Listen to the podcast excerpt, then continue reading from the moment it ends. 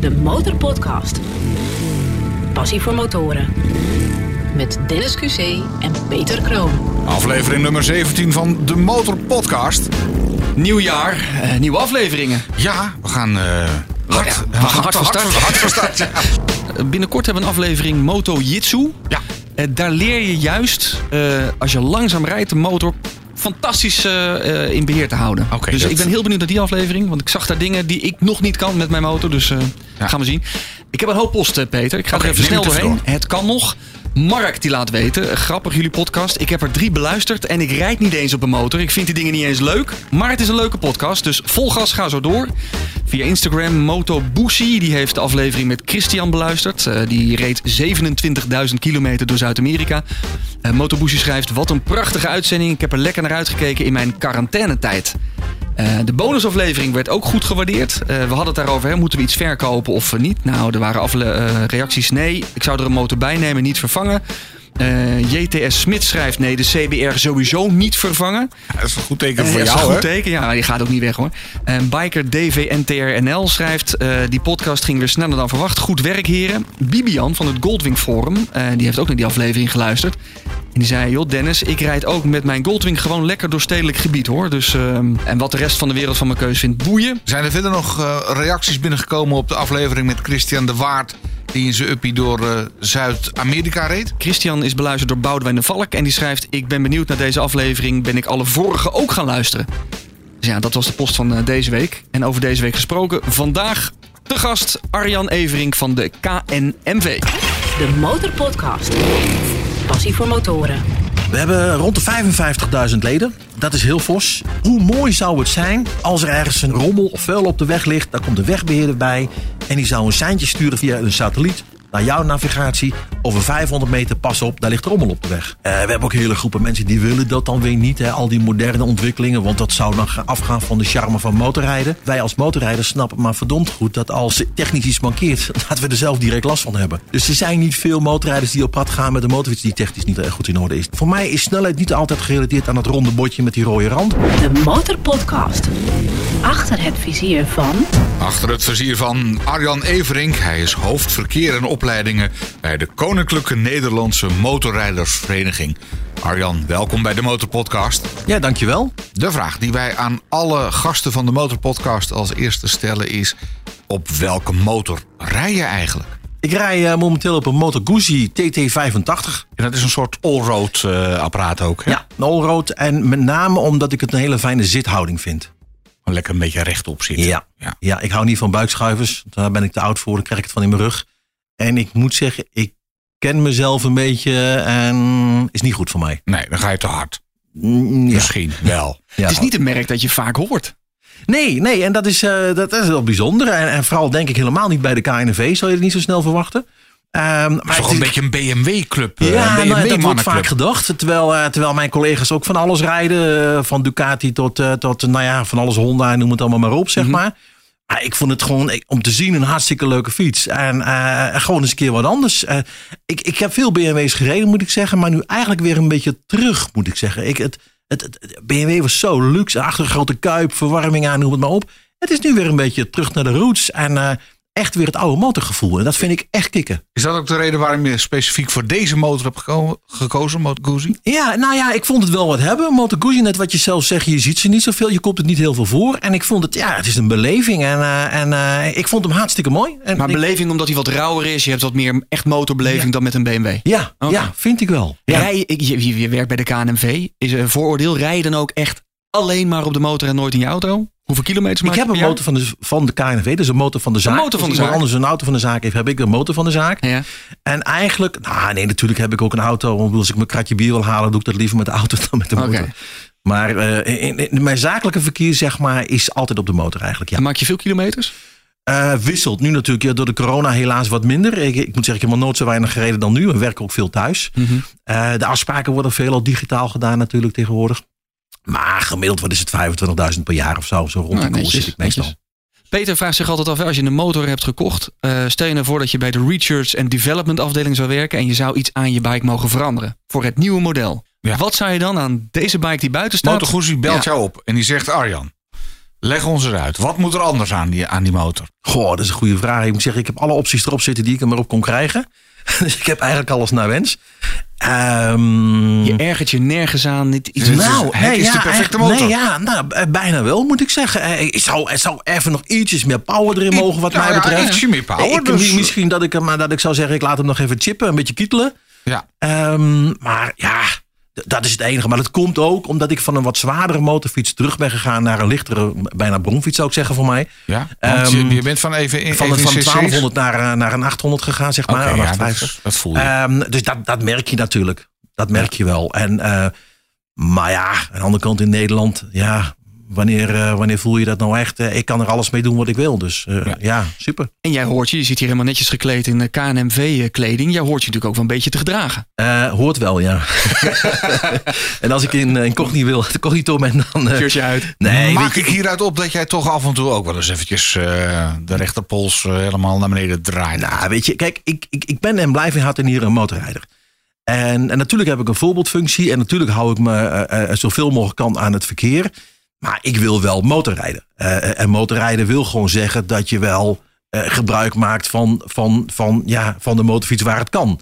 En je accelereert wat sneller. En eh, ja, soms daar rij je net iets harder. Maar ik moet wel zeggen, ehm, het is wel situatieafhankelijk. Voor mij is snelheid niet altijd gerelateerd aan het ronde bordje met die rode rand.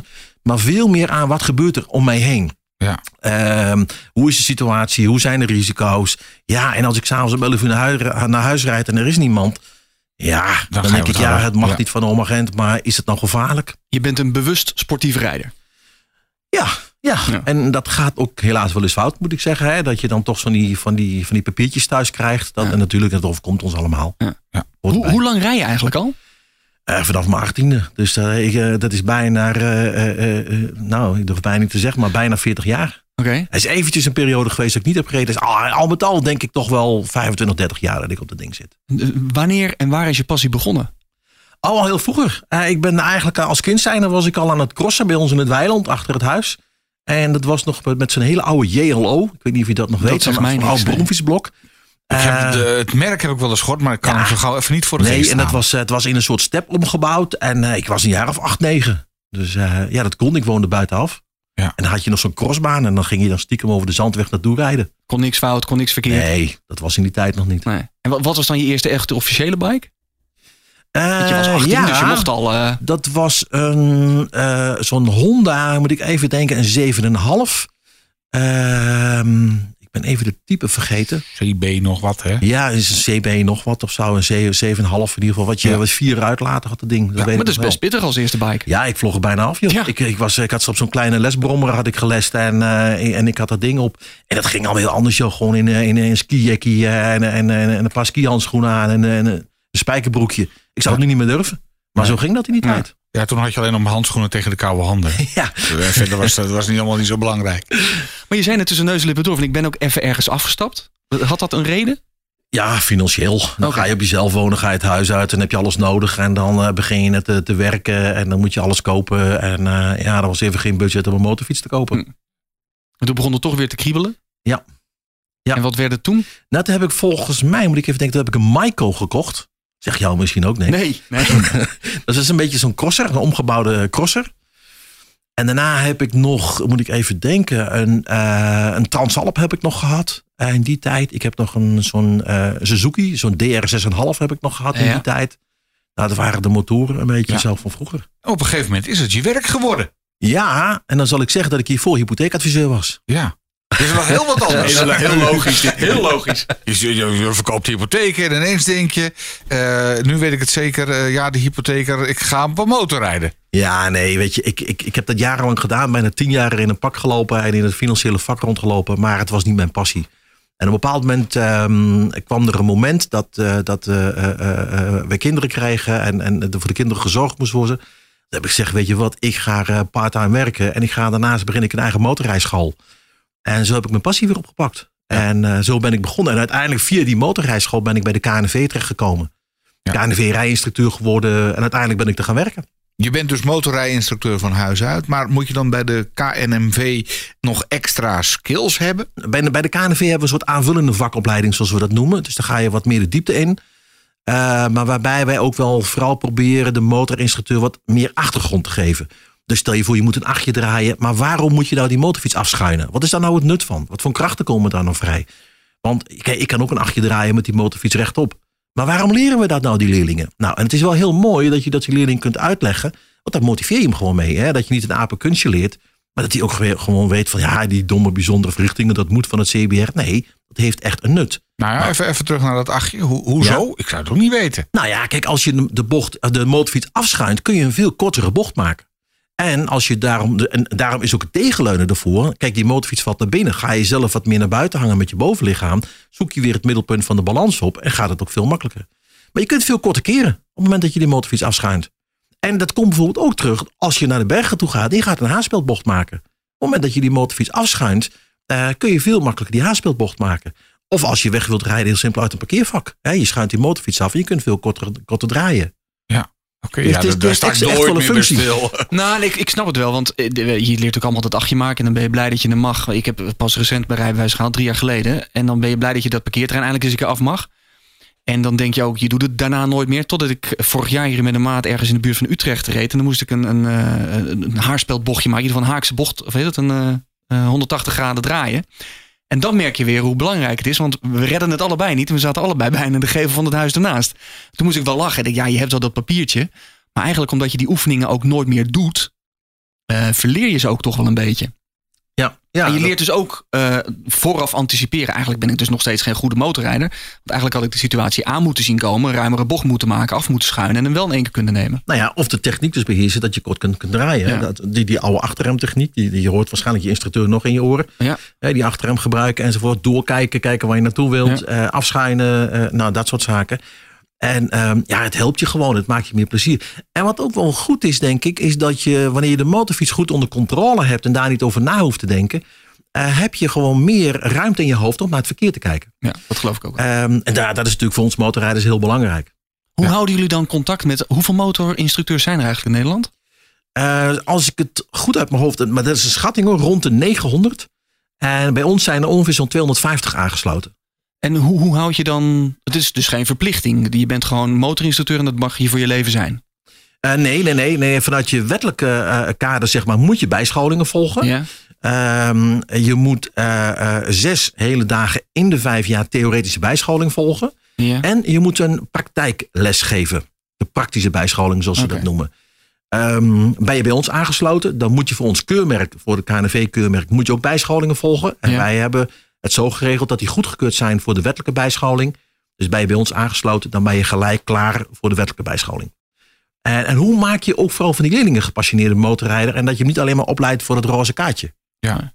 Ja, ja, volgens mij, nou, hoe doe je dat? Hoe maak je van iemand een gepassioneerd motorrijder en niet alleen voor het. Uh, nou ja, dat, wat ik zeg, dat begint al bij die instructeur. Hè? Dat je hem niet alleen maar eh, een kunstje leert, maar dat je hem probeert op te leiden tot motorrijder. En dat je, dat je niet alleen maar uh, dat uurtje rijles geeft en uh, op de volgende kandidaat staat er weer klaar. Ja, maar dat je ook eens wat andere doet. Rij eens een keer een parkeergarage in. Gewoon een praktische dingetje. Uh, en, en als het regent en dat jij ook op die motorfiets zit van, en zegt van, goh, vervelend hè, zo'n nat kruis in, die, in, die, in die broek die niet helemaal waterdicht is. Ja. Of lastig hè, als je die, al die druppels op je, op je vizier van je helm. Weet je, het zijn allemaal kleine dingen, mm -hmm. maar daarmee deel je passie. En daarmee maak je het een, een, een motorrijder en deel je jouw enthousiasme over jouw hobby want er zijn de meeste motorinstructeurs. Ja, dat geef je door aan, aan, aan de nieuwe groep. Nou, hoe leuk is dat? Ja, want jij bent tegen uh, de instructeur die een auto erachter rijdt, hè? Dat is in principe nou, toch niet ja, helemaal... Tegen, um, uh, tegen is misschien een groot woord. Uh, ik, kijk, als je praat over motor... Kijk, de meeste mensen halen een motorrijbewijs van het hobby. Omdat ze het leuk vinden. Hè, dat is een uiting en daar wil je plezier aan leven. Nou, hoe leuk is het dan dat je jouw passie met die nieuwe kandidaat motorrijder kan delen. En ja, voor mij kan dat maar op één manier en dat is op de motor volgen. En ik vind het ook beroepsmatig vind ik het handig, want kijk, ik vind het lastig om uh, vanuit de auto te zien of iemand goed zijn voorrem gebruikt. Of laat staan een demonstratie te geven als iemand zijn positie niet goed in het verkeer weet. nu zeggen wij van hey, reis even vijf minuten achter mij aan. En via onze communicatie kunnen we precies vertellen wat wij denken, wat, wat wij doen. En waar, vooral vertellen van waarom doen wij nou iets. Waarom draaien we ons gas dicht? Waarom veranderen wij van positie? Toch wordt je examen afgenomen door een examinator in een auto. Ja, dat klopt. Eh, het, ik weet dat er veel examinatoren best ook zijn die het graag zouden willen. Ja. Maar het is gewoon niet praktisch. Hè? Want dan hebben ze een auto-examen, dan hebben ze een bronfietsexamen, dan hebben ze een motorexamen. Dus het is meer uit praktische overweging. Het zijn, eh, eh, nou ja, en dat betekent ook dat het CBR allemaal motoren moet aanschaffen, kleding moet aanschaffen. Dus daar zit meer een praktische kant aan. Waarom of dat niet zo is. En het is maar een eenmalig momentje natuurlijk. Ja, dat is waar. Zat jouw instru- instructeur op de auto of op de motor of in de auto? Peter? Volgens mij, eh, mijn, mijn instructeur zat, oh, die reed ook motor. Nee, mijn, mijn instructeur die pakte ook als het even kan, kon wel de motor. Vond hij ook altijd wel uit, ja, nu is het echt gewoon te koud of het was of last van zijn rug of dan moest hij echt even in de auto. Maar, maar meestal, geef je zelf nog instructie trouwens? Eh, weinig. Eh, ik moet zeggen, ik heb toevallig eh, eh, afgelopen jaar mijn zoon opgeleid voor zijn A1-rijbewijs. Ja. Het is weer super leuk om te doen om met zo'n jonge gast op stap te gaan en met zo'n A1'tje. Zo'n eh, zo'n zo'n kleine brommer zou ik bijna zeggen. Ja. En eh, nou ja, mijn dochter heeft ambitie. Eh, eh, dus ja, dat, zal denk ik eh, dit jaar gaan gebeuren als het kan. Zijn jouw kinderen niet gewoon een beetje verplicht? Als, Nee. als vader eh, dit doet, dat je eigenlijk als kind niet kan zeggen: Nou, nee, ik ga toch liever met de tram. Nee, dat zou, je, dat zou je denken, maar dat is absoluut niet zo. Want papa moet ook investeren in die motoren. Oh, dus ik zit er helemaal niet zo op te wachten. De Motorpodcast. Passie voor motoren. Elke twee weken in je favoriete podcast app. Demotorpodcast.nl En abonneer je ook eventjes op de Motor Podcast. Dat kan natuurlijk in je favoriete podcast app. Laat ook even een recensie achter, vinden we leuk. En eh, beoordeel ons eventjes met een aantal sterren. 2, 3, 4. Wat mij betreft natuurlijk gewoon 5 sterren. In deze aflevering van de Motor Podcast praten we met Arjan Everink. Hij is hoofd verkeer en opleidingen bij de Koninklijke Nederlandse Motorrijdersvereniging. De KNMV, dat klinkt een beetje als de Herenmotorvereniging. Maar ze hebben ook iets eh, voor de motorrijder met, eh, ja, hoe zal ik het zeggen? Eh, de ruige baard, laat ik het, laat ik het zo zeggen.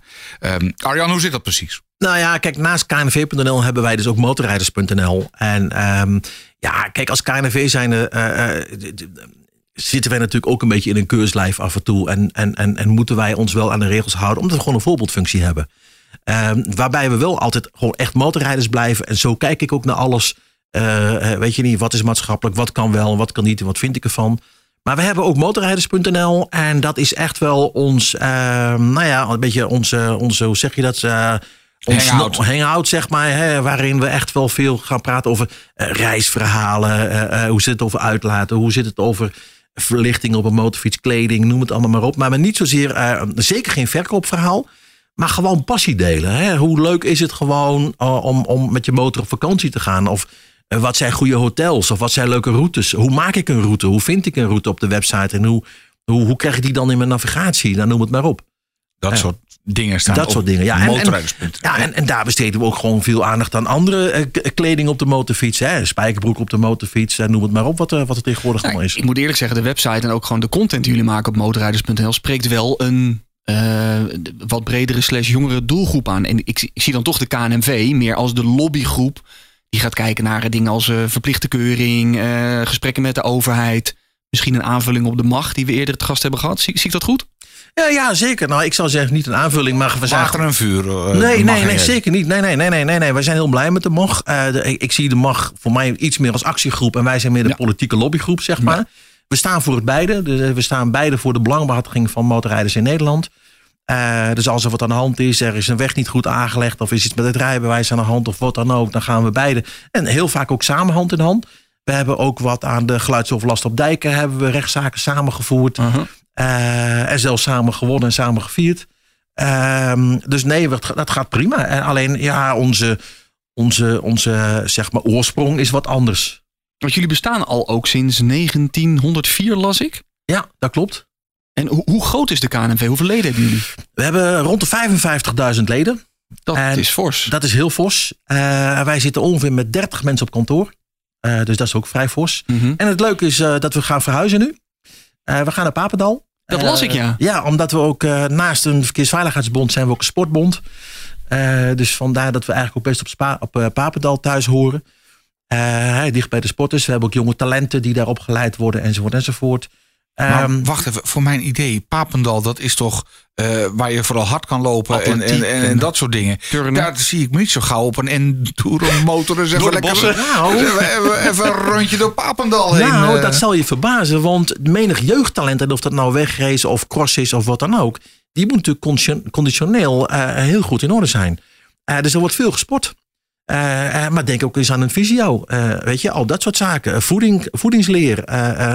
Eh, eh, nee, dat vind je natuurlijk allemaal op Papendal voor die sporters. Ja, oh, dat is gewoon eigenlijk om, om het lijf in een goede conditie te krijgen. Maar je gaat niet zo snel daar met een motor rondrijden. Want het is vooral heel netjes allemaal daar. Ja, dus, hoe eh, tussen de volleyballen veel, veel doen. Door de bossen heen. Hoe breed is dan de ondersteuning van de motorsport? Want je hebt het over eh, race, cross. Nou, eh, eigenlijk alle sporten. eh, ik zou zeggen van de, van, van de jonge kinderen van de jaar of acht, negen, zeg maar, die ergens op een crossbaantje bezig zijn, tot aan Parijs-Dakar en het TT van Assen.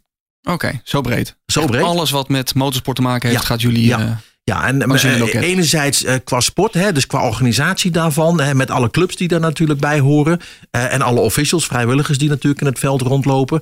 Maar je moet ook denken dat als je met een motorfiets op de weg gaat, heb je een kenteken. En bij een kenteken hoort een verzekeringsplicht.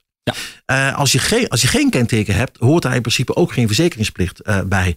Dus dat betekent gewoon, als je schade aan iemand anders toebrengt, of letsel of wat dan ook, daar, hoe zit dat dan? Nou, daarvoor koop je dan als sporter een licentie. ja. En in die licentie, daar zit dan onder andere weer een verzekering in.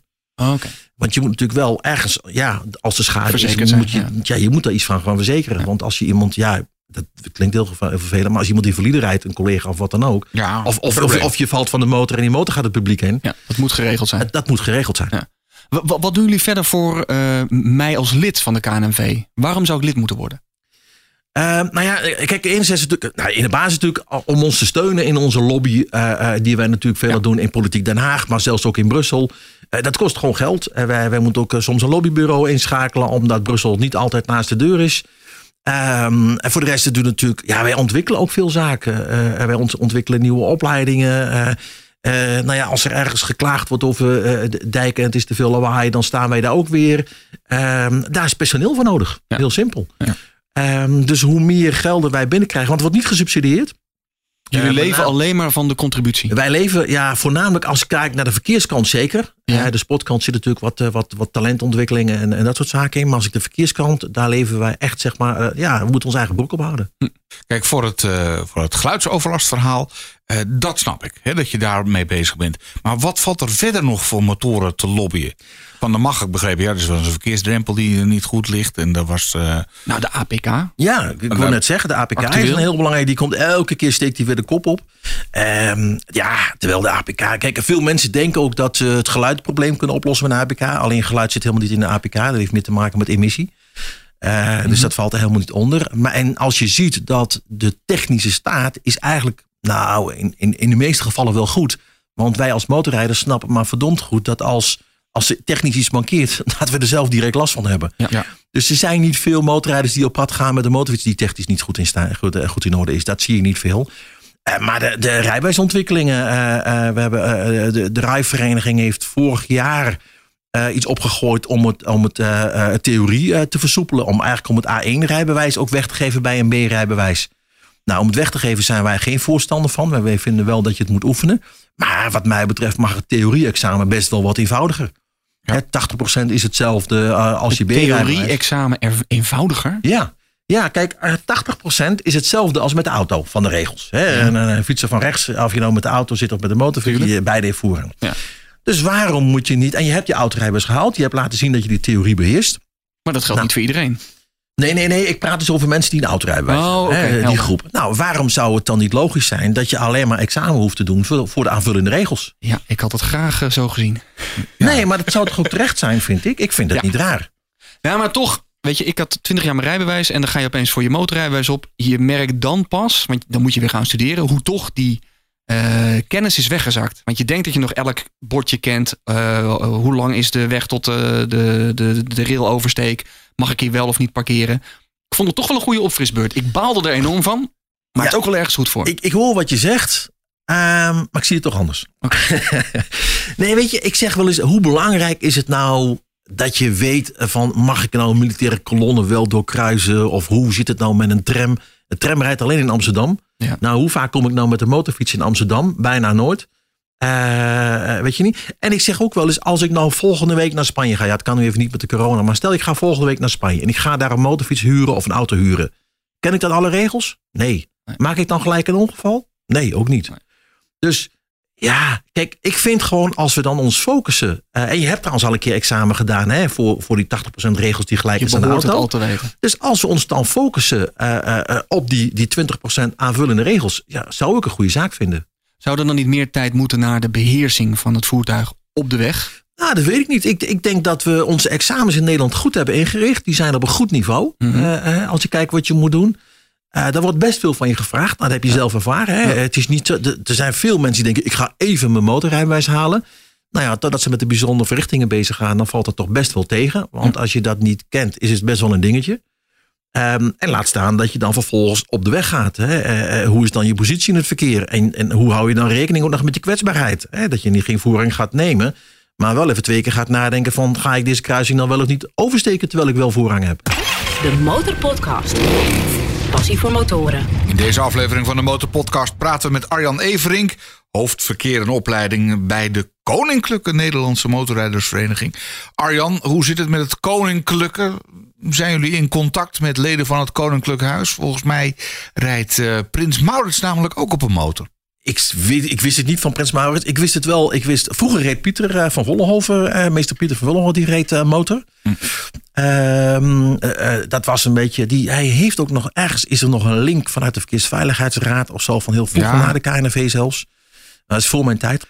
Ehm, ik heb hem zelfs een keer ben ik op, bij hem op het paleis geweest, want toen zou die de motorbeurs in Utrecht zou die gaan openen.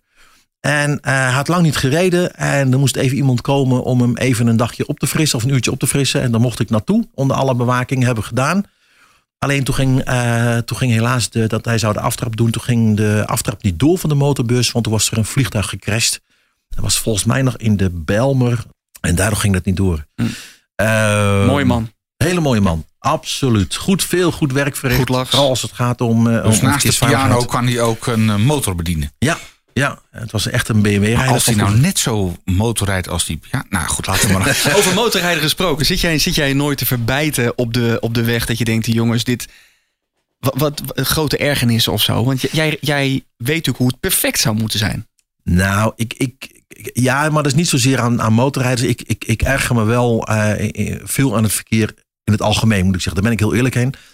En, en, en ik erger me name over van eh, waarom hebben we niet iets meer begrip voor elkaar en houden we niet iets meer rekening met elkaar.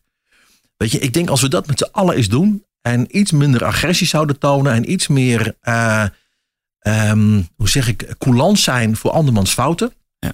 dan zou het een stuk vriendelijker zijn. Iets relaxter. Ja, want hoe, kijk, niemand rijdt perfect door het verkeer. Zo, hè, ik bedoel, iedereen maakt wel eens een foutje. Nou, als je dat toch realiseert, dan, is het toch, dan kan het toch een keer gebeuren. Steek je hand op en zeg van, eh, en iemand zegt sorry daarmee en het is klaar. Ja. Ja. Eh, en ga weer lekker door. Maar ga niet gelijk klaksonnieren of eh, bumpen kleven of weet ik veel wat allemaal. Ja, jij bent eh, de man van de voortgezette rijopleidingen. Hè? Ehm, ik zag op de site ook het een en ander over het bewustzijn van risico's. Dat vond ik wel een mooie. Ik eh, ben soms, soms zit zit ik bijna bewusteloos op de motor. Ja, ik, ik ben nog wel wakker, maar ik ben me niet bewust meer van. eh, eh, hoe, hoe pak je dat aan, de, de risico's? Nou ja, de- de- de- net zoals je het zelf aangeeft, voortgezette rijopleidingen, daar hebben wij trainingen voor. En het is wel heel belangrijk. Kijk, als je de cijfers kijkt van de Stichting Wetenschappelijk Onderzoek Verkeersveiligheid, afgekort is FOF, dan hebben wij ongeveer zo'n 25, 25 keer een grotere kans om bij een ongeval betrokken te geraken. Bij, per gereden kilometer. Hè? Ja. Dus als je het afzet. Dat is best fors. En, ehm, eh, en er zijn toch zo'n 50 dodelijke slachtoffers per jaar. En dat zijn allemaal mensen die allemaal een dagje gingen toeren of een ritje gingen maken. En die never nooit dachten van, hé, hey, ik kom vandaag niet meer thuis. Ehm, dus het is gewoon wel van belang, hoe leuk motorrijden ook is, hè, want het klinkt heel raar, om je gewoon bewust te zijn van je kwetsbaarheid. En wat ik jammer vind, is dat die kwetsbaarheid vaak wordt vertaald naar langzaam rijden. Een beetje rijden als een oud wijf en ik mag niks meer enzovoort enzovoort. Hoeft helemaal niet. Ga lekker motorrijden, zeg ik altijd. Alleen wees je bewust van de momenten waarop je eventjes ietsjes dat gas moet dichtdraaien. En draai daarna dan, als je voorbij bent, dat gas lekker weer open. Geen enkel probleem mee. Maar rij bewust. En dat bewuste, dat zit hem vooral in de meest gewone dingen. En dat is heel apart. Vaak denken mensen dat het misgaat in de complexe situaties. Er van alles op me afkomt. Maar vaak is dat helemaal niet zo. Het gaat vaak juist fout in de meest normale dingen. Waarin je dus denkt, waarin je helemaal niks opvalt. En als daar juist iets in gaat veranderen. Dan kun je Dan voorbeeld het geven? dus juist. Nou ja, bijvoorbeeld. eh, ehm, er staat, hoe vaak hoor je niet van. Er staat, ik rij op een voerrangsweg. Ja. En er komt een auto aan. En die stopt netjes. Die kijkt mij aan. En toch trekt diegene op. Ja. Ondanks dat ik voorrang heb. Ik heb zelfs oogcontact. En dat hoor je ook later van die motorrijder. Ja, hij zei, hij zei, of zij keek me zelfs nog aan. En ik zag hem ook. En toch trekt iemand op. Nou, daar zijn heel veel verklaringen voor waarom of dat kan gaan gebeuren. Hè. Een Blinde vlek in het oog, eh, de, de A-stel in de auto, eh, het niet op zoek zijn naar motorrijders. Eh, er zijn heel veel redenen voor te bedenken waarom of dat kan gaan gebeuren. Eh, vaak ook hebben motorrijders hebben niet zoveel met, eh, eh, eh, of eh, automobilisten hebben niet zoveel met motorrijders. Ze zijn er ook niet naar op zoek. Dus je bent vaak op zoek naar gelijke, gelijke gestemden. Ehm, maar als je dat nou weet, dat het daar vaak misgaat. Eh, zelfs uit cijfers blijkt dat 70% van de automobilisten na de tijd zeggen van... sorry, ik had je niet gezien. Alleen 70% van de motorrijders zegt... ja, ik had die auto wel gezien.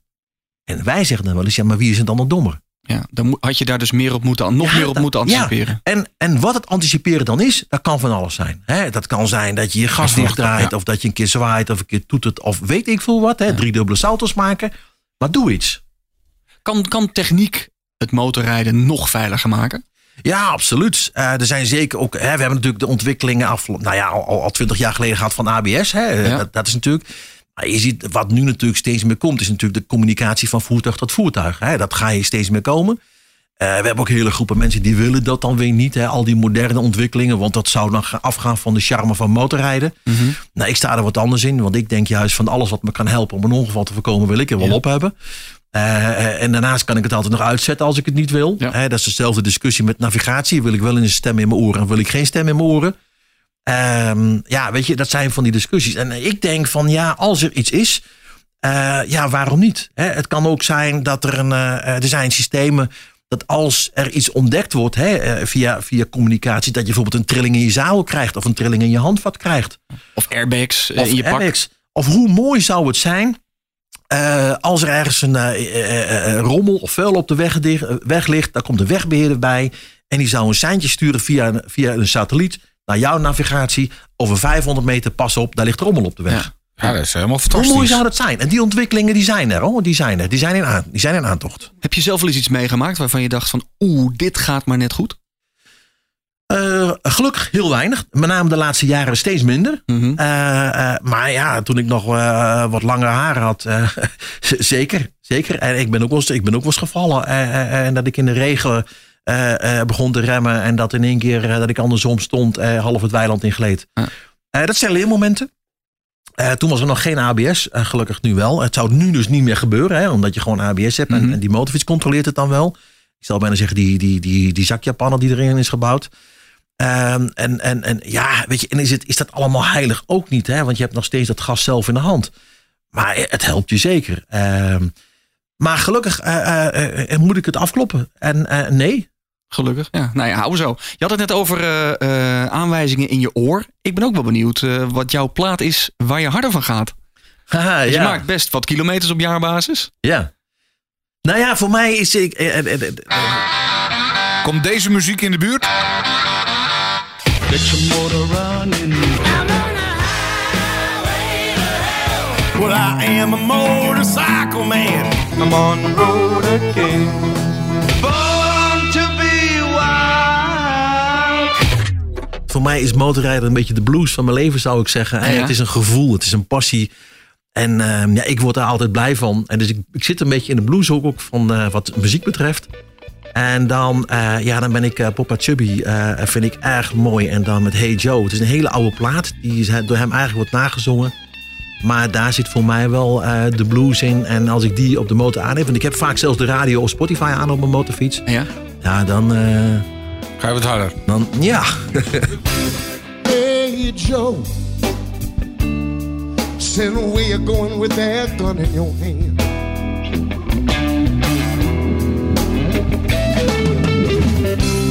Hey Joe, said where you going with that gun in your hand? Eh, Arjan, jij zei van dit is voor mij de blues van het motorrijden. Mooi omschreven. Ja, eh, blues, maar blues is toch ook een beetje de rauwe kant van het leven. De dingen die wat minder goed gaan, dat, dat zit toch ook een beetje in de blues? Nou, minder, ja, minder goed gaan. Eh, eh, kijk, kijk, het- de rauwe kant zeker. Ik vind motorrijden, dat hoort een beetje. Dat is gewoon een, een, een, dingetje. Dat is prachtig. Dat is uitlaatklep. Dat is je gevoel. Eh, eh, eh, ik moet zelfs zeggen dat ik tot rust kom op de motor. Dat klinkt heel raar in, in het drukke verkeer. Maar ik, kom, ik krijg de meeste ideeën als het gaat over werk of wat dan ook. doe- Die doe ik op, op, op de motor. Ja, dat ken ik wel. Ehm, eh, dus dan, dan en, en ja, ik mag het bijna zeggen, maar ik kan bellen op de motorfiets. Dus dan bel ik naar kantoor en zeg: hey, schrijf dit even op. of wat dan ook. Ik heb een idee. ik heb een idee. Eh, maar ja, het is een. Het is, weet je, mensen vragen ook wel, mensen die niks met motorrijden hebben. Ik vind het ook soms heel moeilijk uit te leggen van wat dat nou is, wat nou motorrijden zo bijzonder maakt. Maar je gaat mensen ook niet overhalen volgens mij. Je, je wil het zelf. Ja, En anders ga je mensen niet op een bij krijgen. maar dat is ook een beetje wat ik bedoel met die blues. Het zit in je, het zit in je lijf. Het zit, eh, weet je, en, en, en, en ik heb het van kinds af aan. Vraag me niet eigenlijk waarom. Het is, het is een gevoel wat je ermee hebt. Eh, eh, kijk, de, de, de oude garde zeggen eens, ja, het moet de benzine stinken en al dat soort dingen meer. Nou, de- de- zo ben ik echt niet. Het is niet goed voor het milieu tegenwoordig. Maar het is een bepaald vrijheidsgevoel, denk ik. Een soort van. eh, eh, eh, ja, ik kan, als, ik, als ik tussen de file doorrijd, kan ik doorrijden. Ik kan zo net even dingetjes doen die niet helemaal door Ja. de beugel konden, maar ik doe ze wel. Ja. Eh, het is ook een beetje recalcitrant, denk ik wel eens. Eh, eh, eh, ja, het, het past bij je. Maar ik denk dat we dat wel delen allemaal, dat gevoel toch? Ja. Vrijheid, lucht, relaxen. Ja. En als je, deze, Kracht. als je deze plaat hoort, dan zie je jezelf gaan door. Ja, wat is je meest memorabele motormoment? Oh, dat is een aantal jaren terug eh, dat ik in Australië was en met een paar mannen midden door de Simpson Desert ben gereden. Op een crossmotor of op een, eh, op een enduromotor. Ja, en dat is, eh eh, s'nachts slaap je op een, op een matje tussen de dingo's en, en noem het maar op, zeg maar, die om je heen lopen. En gewoon 14 dagen geen tanden poetsen en dezelfde kleren aan en lekker stinken. En heerlijk. Dat, dat was wel echt voor mij. Meest memorabele motormoment? Absoluut. Ik hoor enduromotor, eh, Peter. Ja, dat is. Ik, Dat wordt veel net even. Je hebt er weer een eh, Ja, het- motordilemma bij. ik heb regelmatig motordilemma's. Iedere keer dan, dan zie ik weer iets en dan denk ik, oh, dat wil ik ook. Weet je, ik heb vroeger zo'n KTM-crossertje gehad. 250 geloof ik. En eh, ja, dan, dan zie ik zo'n plaatje voorbij komen van zo'n enduro. eh, En van KTM is er nu eentje 690. En denk ik van, oh, wil ik ook. Weet je, gewoon leuk zo'n ding erbij. Ik zag het ook op jullie site. Jullie ondersteunen ook dat soort eh, festival. Of eigenlijk is het een soort festival. hè. Er wordt een route uitgezet door een bepaald eh, gebied. En dan is het met z'n allen lekker crossen. Maar jij hebt dat dus ook gedaan in Australië. En dan denk ik meteen, hoe kom je daar nou weer terecht? Ja, Nou ja, dat, dat was omdat een vriend van mij, die, die was daar veel. En uiteindelijk is hij daar gaan wonen. Ehm, dus hij heeft eh, met, met, met nog een andere Nederlandse jongen en twee, drie Australische, eh, moet ik even denken, met hem erbij. Hij was Nederlander, maar hij woonde daar. En nog twee andere Australische jongens. Eh, hebben zij voor mij een motorfiets gekocht en voor die andere jongen die meeging. Ehm, en hebben we dat opgezet. En eh, ja, het was echt spannend. Via de Flying Doctors moest je een radio regelen. En we hadden een van die jongens reed in zo'n Toyota Landkruiser mee. Daar zat alle onze spullen in. Eh, eten, drinken, brandstof en noem het Mhm. allemaal maar op. En die reed achter ons aan. En ja, je bent net zo'n klein kind gewoon in zo'n hele grote zandbak. Dat, is, dat is, ja, dat kun je niet beschrijven. Maar dat blijft toch wel leuk. Beetje, eh, ja, beetje, Ja. beetje viezigheid eh, opzoeken. Ja, en ik zou nog wel graag weer eh, zo'n motorfiets erbij willen. Ja, Alleen, eh, ja, dan, dan. dan wordt punt 1 is die schuur te klein en punt 2 vindt mijn vrouw het niet goed. Want ja, het houdt ergens op. Nou, we, we kunnen het meteen doen. De Motorpodcast. 100.000 euro voor je motorliefde. Wat ga jij ermee doen? Wat zou jij doen met 100.000 euro? De vraag aan jou, Arjan. Nou ja, ik, ik, ik, ik, ik heb daar natuurlijk al eh, eh, wel eens over nagedacht. Weet je, wat, wat nou? Hè? Wat nou als, als die man eh, aan de deur zal staan met, met dat koffertje? Goedemiddag. Ja, precies die. die en ehm, nou, ik zou, ik zou denk ik inderdaad vier motoren kopen. Eén voor mijn, voor mijn vriendin en voor mijn twee kinderen. En ik zou een grote reis gaan maken. Met ons viertjes. Dat lijkt me gewoon iets als, omdat als een soort... met z'n vieren op de motor. Met z'n vier op de motor. En dat klinkt, dat klinkt misschien wat clichéachtig als een soort gezin. Maar het is meer als... Ik zie een gezin ook meer in dit geval als, als, als maatjes. Als, als samen passie delen. Wat je nooit meer vergeet. Wat je, als, ik, als ik straks 80 ben en mijn kinderen komen op bezoek, dan zeggen dat ze nog zeggen: Weet je nog, pa? Ja, met de motor. Eh, weet je, eh, dat is iets wat je, wat, wat, je, wat je nooit meer gaat vergeten. Zoiets zou ik wel willen. En waar ga je dan naartoe met de familie? Nou, eh, nou dat is een goede vraag. Eh, eh, eh, ver weg, als het aan mij ligt, richting Azië. Eén ding is wat ik niet doe, en dat is op een matje meer in een tentje gaan liggen ergens buitenaf. Want dat Oké. doe ik niet meer. En dan wil ik wel van hotel naar hotel. Daar sluit ik mij graag bij. Ja, ik ben ook een hotel. Ik, ik schurft enkel aan, eh, aan, aan teentjes. Ja, ik ook. Dat, daar ben ik te oud voor. Alles begint pijn te doen en je wordt stram. En dan moet je s'nachts in de regen in je onderbroekje buiten gaan staan. eh, nee. Maar- Maar het is toch alleen maar mooi met je gezin gewoon een aantal weken, nou tussen haakjes, survivalen. eh, ergens bijvoorbeeld in Thailand of Cambodja op de motor. Dat, is, dat Ja. klinkt toch eigenlijk veel mooier dan met het gezin vier weken survivalen in de Centerparks? Eh, absoluut. absoluut. Ja. Maar dan is die 100.000 euro nog niet op, want je hebt vier bikes. Nou, nee, maar goed, als, je, dan een paar maanden weg wil blijven, je, Ja, dat je investeert Ja. vier bikes en, Ja. eh, en je blijft een paar maanden weg. Nou, dan, dan schiet het aardig op natuurlijk. Hè? Een beetje aankleding erbij. Rijdt je vrouw nu of niet? Ja. En wat rijdt Ja, je? niet, niet heel actief. Eh, eh, het zou soms iets meer mogen, maar ja, dat laat ik lekker aan mezelf over. Ik bedoel, het is, haar, eh, het is haar dingetje wel of niet. Ze moet het niet voor mij doen. Ze moet het vooral doen omdat ze het leuk vindt. Eh, ik heb, eh, nou ja, mijn dochter die wil eh, gaan lessen. Wat ik straks vertelde. Dus ik heb in dit geval heb ik eh ergens een CB 500 staan, een A2-klasse. Dat Ja. past bij haar leeftijd. En Ja. daar rijdt mijn vriendin af en toe ook op. En mijn zoon die rijdt op een 125. Een Hondaatje, zo'n Repsol. Kijk. Oh ja, ook Ja. leuk. Ja, het is echt een grote bromfiets. Hij loopt net, eh, nou, net boven de 100. Dan moet je er plat op gaan liggen. Ja. Eh, maar hij vindt het leuk. En eh, ja, straks als hij 20 wordt, dan eh, kunnen we naar door naar de A2. En dat is het leuke dat ik hem zelf les mag kan geven. Dus we kunnen onbeperkt lessen. Hebben ze interesse om de school straks, nou niet over te nemen, maar om ook een rijschool te beginnen? Nee. Nee? Nee, nee. nee mijn dochter die is op dit moment zit in de woninginrichting. En ze is toevallig heeft ze gesolliciteerd bij de politie. Dus ik weet niet of dat lukt, maar daar wil ze graag naartoe. En mijn zoon die zit meer in de, in de communicatie, web, websites en, en, en dat soort zaken. Ja. Maar ja, na de hypotheek is er ook nog toekomst, toch? Ja, ja zou je zeggen. Het kan, nog- het kan nog goed komen. Wat is jouw mooiste plekje in Nederland? Want je hebt, je hebt Australië gezien, je hebt eh, meer wegen van de wereld gezien, maar in Nederland? Nou ja, misschien een hoor, je, tip. misschien hoor je het aan mijn accent. Ik ben echt achter, achterhoeker Ja. wat dat betreft. En eh, ja, daarbij zit toch een soort roots. Ja, komt nee, nee, meer achterhoek. Nee, ja, is, Achterhoek. dat is meer, is meer richting Raalte, die hoek, zeg maar, meer achterhoek. Ehm, maar ja, ik, ik vind het wel. ehm, eh, ik, ik, hoef niet terug. Maar ik vind het, ik vind het platteland heeft wel zijn charmes. Hè? Soms wordt er wel gezegd, ja, die boeren dit of wat ook. Maar daar staan mensen nog wel eh, voor elkaar. Als er wat aan de hand is, dan kun je op elkaar vertrouwen. Eh, je bent er voor elkaar, je steunt elkaar. En dat is daar nog wel. En dat Ja. vind ik wel mooi om te zien. En dan hebben we het, eh, het coronajaar net achter ons. Hopelijk eh, het komend jaar helemaal. Nou zijn er afgelopen jaar een record aantal motorfietsen verkocht. Doet dat nog wat met de verkeersveiligheid? Zijn mensen opgestapt die eigenlijk niet hadden moeten opstappen? Nou ja, dat vind ik een hele leuke vraag. Ehm, daar verschillen de meningen een beetje over. Ik heb daar zelf een, denk ik een iets andere mening over. Veel mensen denken dat we daardoor meer motorongevallen krijgen. Hè? Meer Mhm. mensen op de motor, meer motorongevallen. Dat zou ook kunnen. Ja. Anderzijds eh, wordt de motorrijder, en net zo kijk je als je naar Parijs of Italië hè, of Milaan of dat soort steden, ook steeds gewoner in het eh, verkeer. Dus dat de andere verkeersdeelnemers, eh, hoe vaker het voorkomt, gaan dan ook eerder op zoek naar die motorrijder. Terwijl het nu maar zelden voorkomt dat je die motorrijder tegenkomt, ben je er ook niet naar op zoek. Hè? Eh, want je verwacht hem eigenlijk niet, helemaal niet in dit jaargetijde, in de winter. Eh, maar ehm, eh, hoe meer die motorrijder gewoon wordt in het verkeersbeeld, hoe eerder mensen ook gaan kijken van hey, komt er een auto aan, maar komt er ook een motorrijder Ja. aan? Je bent Dus- je bewuster van snel tweewielerverkeer.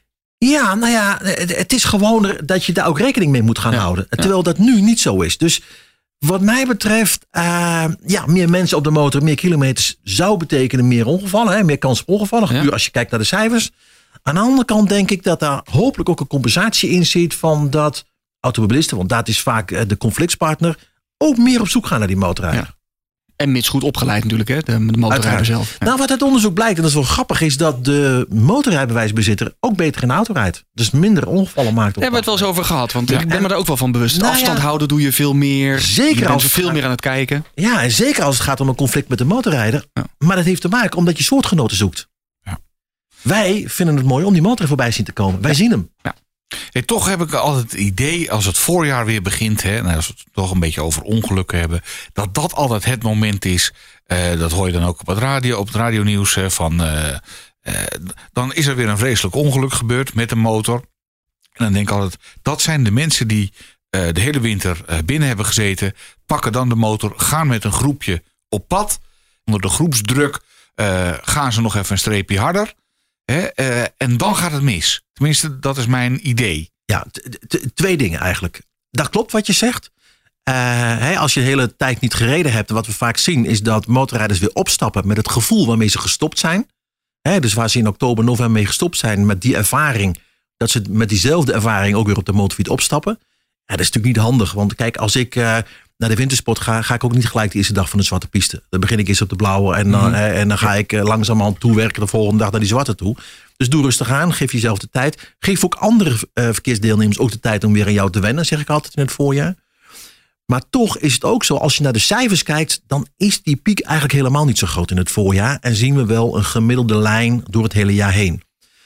Maar waarom denken we dat vooral ook? Dat komt namelijk omdat de motorrijders de hele tijd weg geweest zijn. En het dan in één keer weer opvalt dat de motorrij- motorongevallen zijn.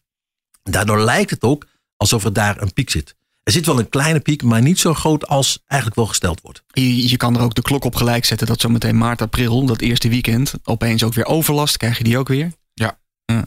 En je leest wel, daar ben ik me altijd van bewust, eh, dat het eerste paasweekend, dat er dan heel veel dodelijke ongevallen in Duitsland zijn. Dat schijnt wel echt tricky te zijn. Want dan trekken mensen echt het gas open die het niet gewend zijn. Ja, absoluut. En eh, met alle respect, wij Nederlanders. eh, kijk, in Nederland is natuurlijk alles dichtgetimmerd. Hè, als Ja. het gaat om snelheidsbeperkingen enzovoort enzovoort. Dus wat doen heel veel, vooral ook jonge Nederlanders, die gaan naar Duitsland toe. Ja, en die gaan daar snelheden rijden waar we eigenlijk niet zo aan gewend zijn. Nee, 200 is echt iets anders dan 130. Absoluut. Ja. Absoluut. Niet zozeer eh, eh, qua sturen, hè, maar ook qua krachten in die motorfiets. Maar ook op het moment dat je iets voor je ziet gebeuren, je bent er veel sneller. Dus je, dus je reactietijd is vele malen kort en soms gewoon in veel gevallen gewoon te kort. Toch wel weer zin in het voorjaar hoor, Peter. Ja, Ik weet niet hoe jij er naartoe, naartoe Nou, uitkijkt, maar... eh, nou, ik rijd het hele jaar door, maar eh, ik vind het nu af en toe ook wel een wat frisjes hoor. Bij, eh, bij 6 graden op het klokje voor me, dan denk ik nou, als ik er dan een uurtje op zit, dan begint het gewoon een beetje stram te worden. Hoor. Dan denk ik van, eh, hè? En voor de beeldvorming, het is nu januari nu we dit opnemen. Dus Ja. eh, het is nu koud en regenachtig. en- handverwarming wel aan. Ik geef toe, ik heb handverwarming en dan zet ik hem lekker op weet ik veel. Ja. I know, denk ik. heb je alles al erop en Nou, ik, ik, ik, ben, ik ben heel eerlijk, ik ben zo'n watje die zelfs met een verwarmd jack aanrijdt. Oh, dat is En ik wil niet lekker. anders meer. En ehm eh, punt 1 vind ik het comfortabel. Ik vind het fijn.